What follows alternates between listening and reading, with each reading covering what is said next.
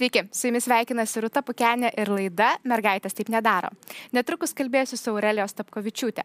Robotikos ir automatikos sprendimus teikiančioje bendrovėje ji dirba programuotoja, padeda integruoti robotus pramonės įmonėse. Aurelija neslėpia, kad eiti šiuo keliu jai, merginai, buvo nelengva. Su seksistiškais komentarais teko susidurti ir studijuojant, ir ieškant darbo, tad norint prasimušti šioje srityje reikia turėti tvirtą charakterį ir daug drąsos. Sveiki, Aurelija. Sveiki. Aurelija, pradėkime nuo pradžių. Kodėl robotika?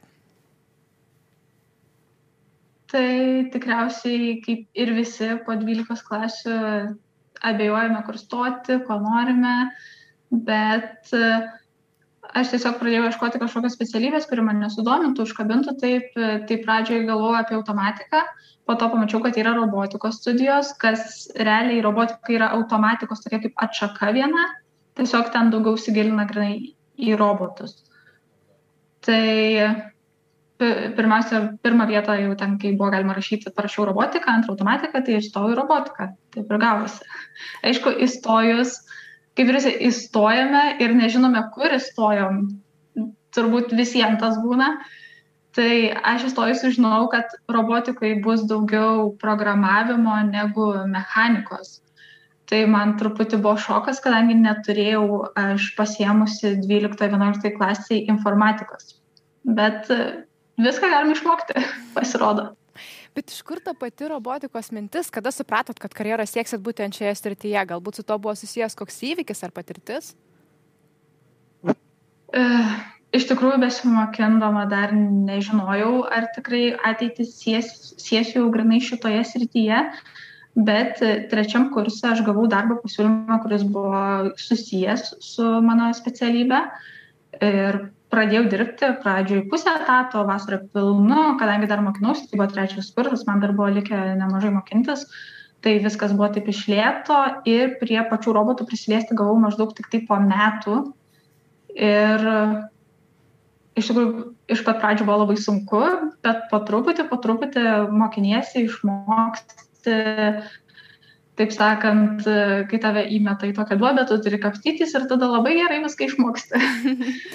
ir po to tiesiog taip gausi, kad išsirutuliojo, aišku, baigiau, e, kaip sakant, jau norėjau išeiti iš to darbo, nutraukiau sutartį ir sugalvojau tada truputį palisėti, tokį gap e, pasimti kelias mėnesius, tokią kaip pertraukėlę. Uh, ir planavau išvažiuoti į Italiją, truputį pakeisti aplinką.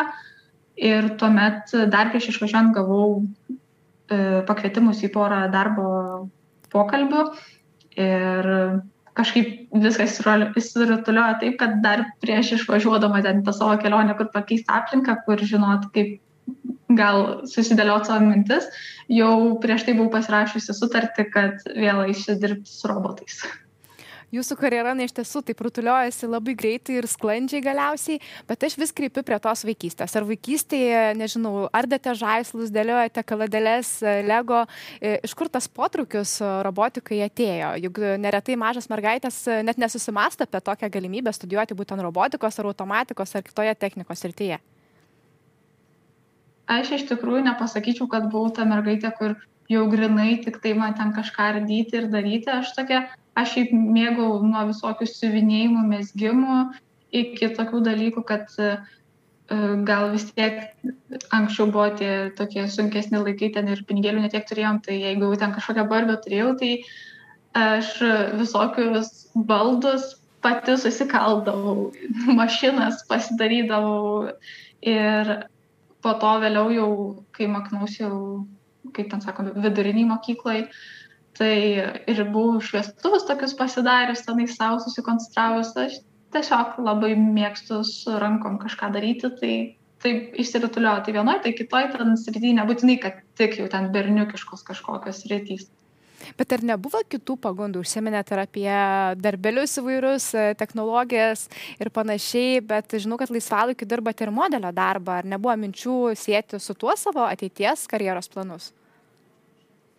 Iš tikrųjų, tai nelabai. Aš dar 12 klasiai mačiau apie juvelyriką ir apie masažistę, bet kažkaip persigalvau ir nuėjau į daugiau tos tiksliuosius mokslus, gal kažkiek ir mano mokykloje fizikos mokytojas paskatino, nes kadangi aš visai gerai su juo sutariau ir tenais mokinausi tą fiziką, kažkaip, nežinau, man, man visai patiko ir irgi, manau, kažkiek į tą linkmę mane pastumėjo. O su modelio darbu, tai aš visų pirma nelabai, aš ten kaip ir dirbu, aš ten kartais ten aš labiau pavadinčiau tokiu hobiu negu kažkokios karjeros siekimu ar panašiai. Tai tvirtai sukot link robotikos, papasakokite mums, ką daro robotikos ir automatikos specialistai, kokios yra pagrindinės jūsų atsakomybės darbe. Tai automatikos specialistai programuoja e, loginius valdiklius, o robotikos specialistai grinai ro programuoja robotus tai darbe realiai dažniausiai dirbame komandoje jau labai retai kad vienas žmogus viską darytų manau taip ir geriausia kad komandoje.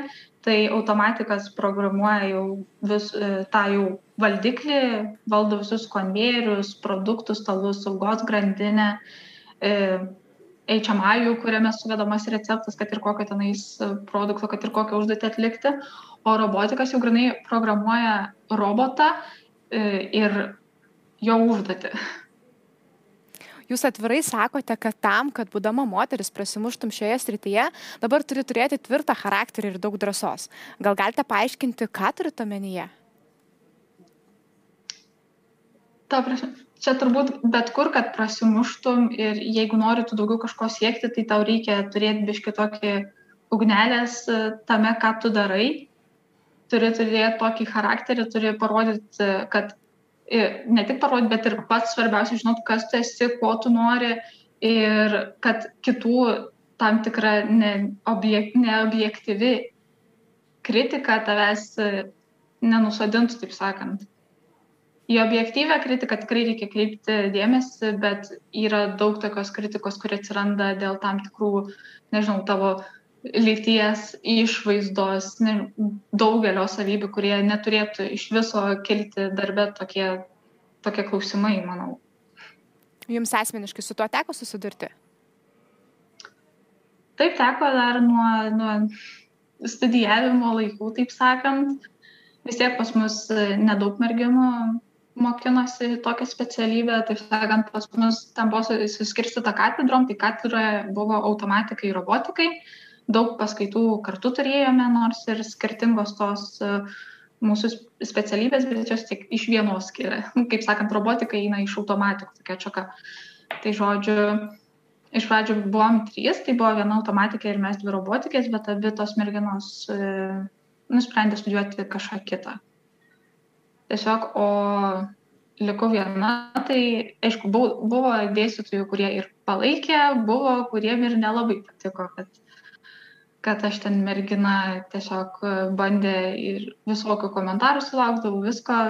Bet jūs minėjote, to, jūs minėjote, kad vienas jūsų dėstytas net atvirai yra pasakęs, kad dirbant robotikos, automatikos rytėje jūsų neįsivaizduoja. Esą jums čia ne vieta.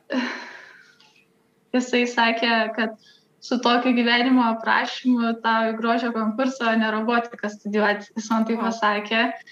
Ir aš žinau, kad jis uh, nu kaip ne viena aš esu sulaukusi kažkokių tokių komentarų ir tikrai merginos buvo, kurios perstojo kitur. Bet aš tiesiog gal tokia truputį labiau užsispyrusi ir man kaip tik tai buvo gal paskatinimas, kad va, aš jam įrodysiu, kad galiu ir padarysiu ir ne tik pabaigsiu šitas studijas, bet ir dirbsiu su tuo, man buvo kaip tik toks užvedė biški mane. O kaip, kaip sakant, gal toks paaugliškas, kuriems sako nedaryk ir toks darysiu. Bet ar bandė čia situaciją kažkaip keistis, kreiptis į administraciją, kokios reakcijos iš jos sulaukėte? Ar tai buvo vienetinis atvejis, ar tokių dėstytojų buvo daugiau? Tikrai ne, daug tokių dėstytojų yra, kurie tikrai palaiko. Žinoma, realiai tu, kai pradedi gyventi toj tokioj sistemoje, tu visokių būna sulaukia, bet aš realiai jau antiek pripratau, kad aš net nebekreipiau dėmesio į daugelį dalykų, o dėl to tai e, aš ne iš karto kreipiausi, buvo kreiptas truputį vėliau į administraciją ir ten buvo išsiaiškinta viskas e, sutvarkyta, taip sakant. O kaip manot, kodėl tokios situacijos kylasi ir kur reikėtų ieškoti tokio elgesio pastabų priežasčių, kodėl iš viso dar 21 amžiuje mes su tuo vis susidurėme ir pradedant nuo akademinės aplinkos? Kaip čia pasakyti, gal tiesiog e, tai nėra įprasta. Tarkim, pažiūrėkime ir į IT sektorių, anksčiau mačiau ir kitų e, merginų pasakojimų, tikrai jom irgi iš pradžių tekdavo susidurti su kažkokia ten diskriminacija ar panašiai, nes jų buvo nedaug tenais ir tikrai inžinierių moterų yra nedaug. Tai tiesiog, kaip jų pradės daugėti, tai savaime, manau, pasikeis visas tas požiūris, viskas, nes aš manau tam reikia laiko ir tiek kad žmonės priprastų nes jiem dabar tiesiog neįprasta ir jie supranta kaip čia gal čia blogai padarys yra tam tikras nepasitikėjimas nes tuo labiau kuo skiriasi it darbas nuo va tokių inžinierių tarkim automatikų robotikų galbūt ir mechanikų daugiau. Tai tas kad mes nedirbame vien prie kompiuterio mes dirbame su fiziškai apčiuopiamais mechanizmais, kur tu turi eiti į pas klientą, daryti testus ar ten pas savęs nedėlį daryti testus, kur tu turi kažką kilnoti, reguliuoti, sukinėti varžtus. Nu, ta prasme, tai nėra visiškai darbas prie kompiuterio.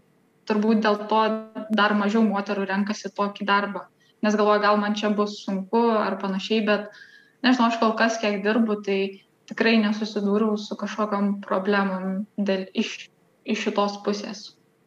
O iš asmeninės pusės, kai ateinate jūs prie tų na, didelių sistemų, kaip žiūri kolegos, klientai, ar dėl to nekyla kažkokių iššūkių, problemų, sudėtingų situacijų? Ar tenka dar apginti savo žinias? Tai, uh, šiaip labai džiugiuosi, dirbu tikrai labai geroje įmonėje, kur tikrai galiu pasidžiaugti, kad ir kol, nei iš kolegų, nei iš vadovų pusės nėra kažkokios diskriminacijos, kaip tik viską sutarėm, vieni kitiem padedam, tikrai viskas labai gerai. O klientų, kaip sakant, būna visokių, ta prasme, e, būna geresnių, būna blogesnių, ta prasme, tikrai gerai sutariu, kiek aš manau, manau, gerai sutariu su klientais. Aišku, buvo ir tokių pasakymų, kad pradžioje taip, ta prasme, keistai žiūrėjo, biškai buvo nepasitikė truputį buvo nepasitikėjimas toksai, tai, bet sakė, dabar jau priprato ir kaip ir viskas ok, nors šiaip esu sulaukusi, e, dar praeitam darbę, kaip ir man dirbau, tai su kolega, tarkim, nuvažiuojam į kažkokį objektą kažką pataisyti ar pareguliuoti, tai mane maždaug, tai, tai tu va laukiamajam pasėdėk, čia palauk, o jau vyrai eina daryti darbų. tai aš tokia turėdavom kiekvieną kartą aiškinti, kad einu ir aš. po, po truputį jie priprato, jis ten, kai pakartotiniai tie vizitai ir panašiai, po truputį pripranta. O šiaip esu turbūt keiščiausias komentaras, kokio esu sulaukusi, taip iš kliento, tai man buvo pasakyta, a, nieko, mes čia tuoj tave išsiauklėsim. O ką tai turėtų reikšti? Atsakyti nieko neteko. Aš nežinau, aš nieko neatsakiau, aš kaip supratau, suprat, e, tarsi, užteko mano žvilgsnio, kad suprastų žmogus, kad ką. Mhm. tiesiog, tiesiog labai taip paprastai.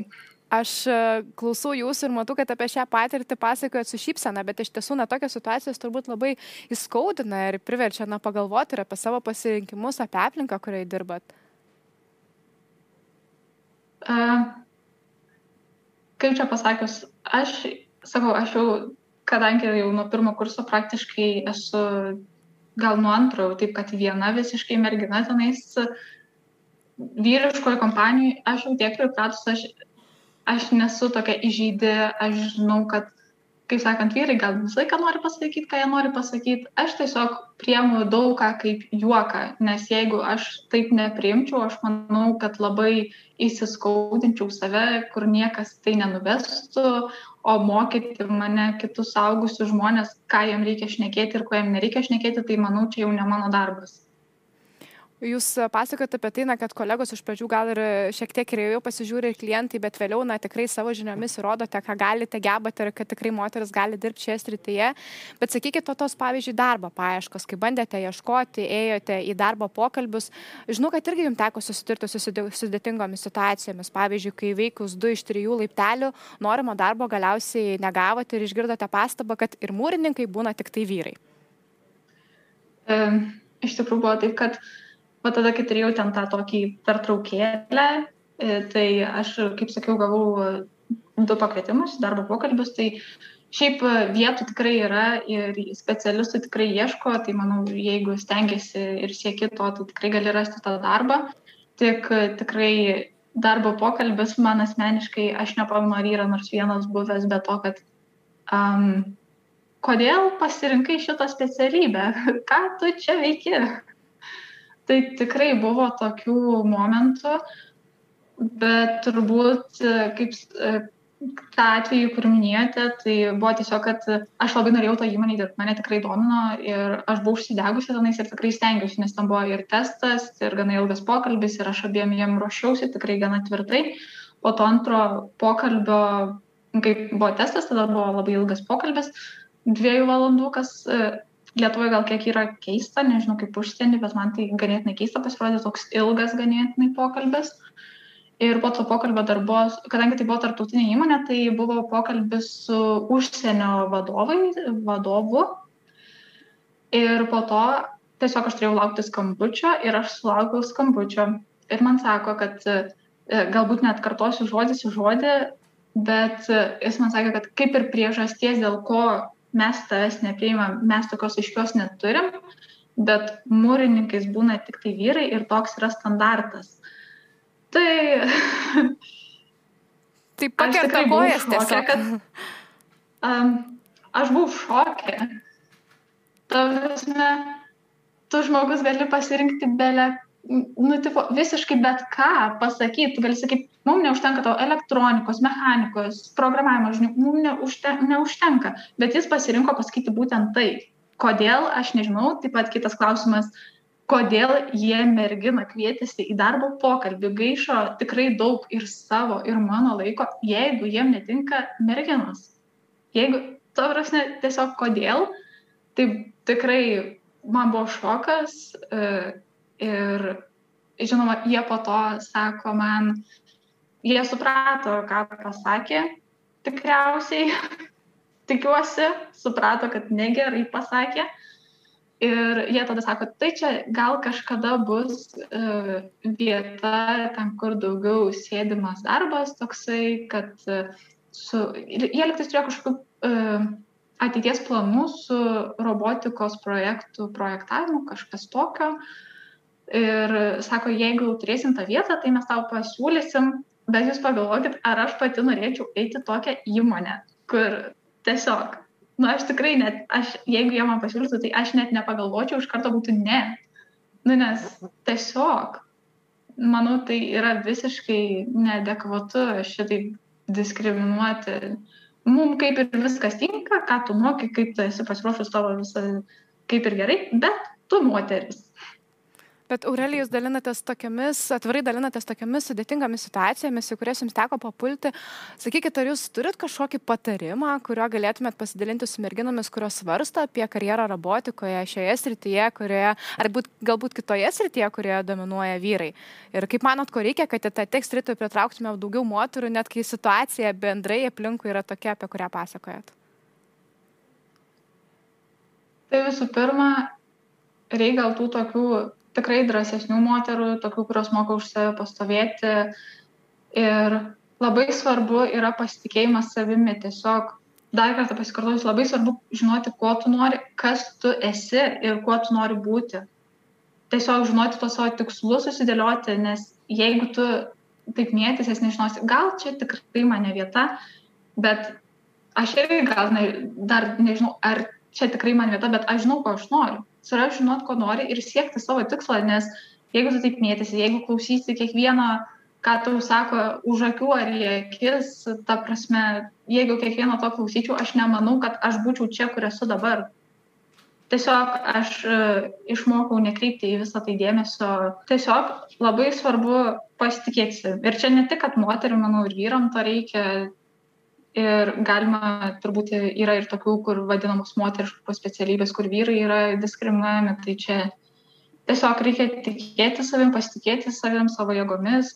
Iš tikrųjų viską galima išmokti. Aš jau sakiau, jeigu aš esu čia ir aš jau tiek išmokau, tai tikrai bet kas gali išmokti. Tikrai.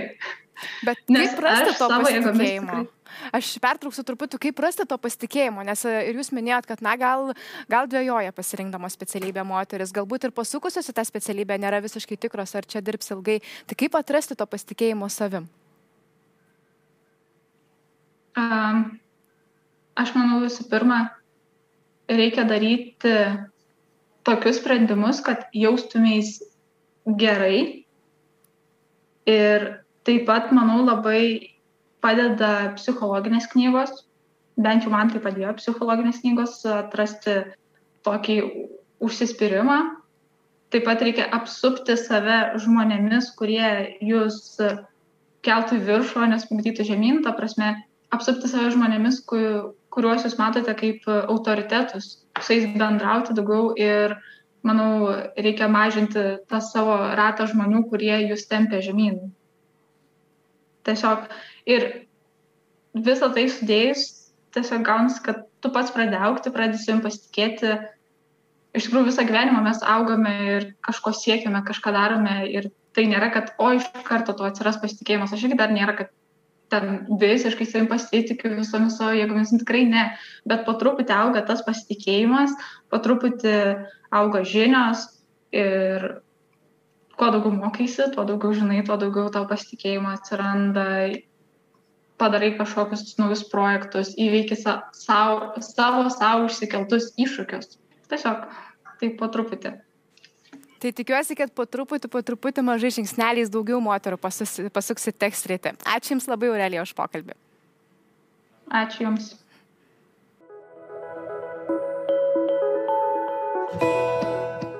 Noriu padėkoti ir jums, mėly žiūrovai, kad stebėjote šią laidą kartu. Tikiu, kad Aurelijos mintis tikrai na, nepaliks abejingų. Padėkoti taip pat norėčiau ir laidos remėjai Baltika Madeas. Iki kitų susitikimų.